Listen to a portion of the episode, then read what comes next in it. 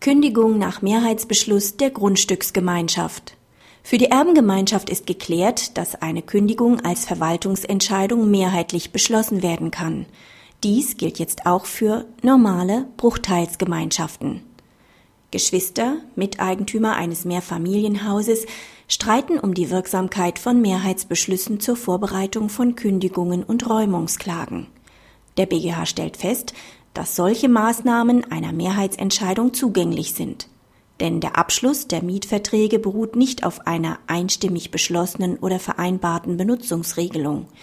Da es sich insoweit auch nicht um eine wesentliche Veränderung des Grundstücks handelt, wird die Mehrheitsentscheidung auch nicht durch 745 Absatz 3 BGB gesperrt.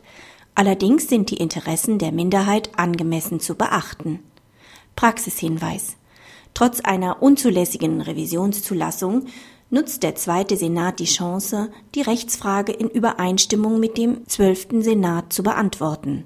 Damit werden die durch die ältere Rechtsprechung des fünften Senats in der Praxis aufgekommenen Unsicherheiten beseitigt. Sobald die Gemeinschaftsmitglieder jedoch eine Vereinbarung getroffen haben, die die Vorgehensweise bei der Verwaltung regelt, genießt diese Priorität.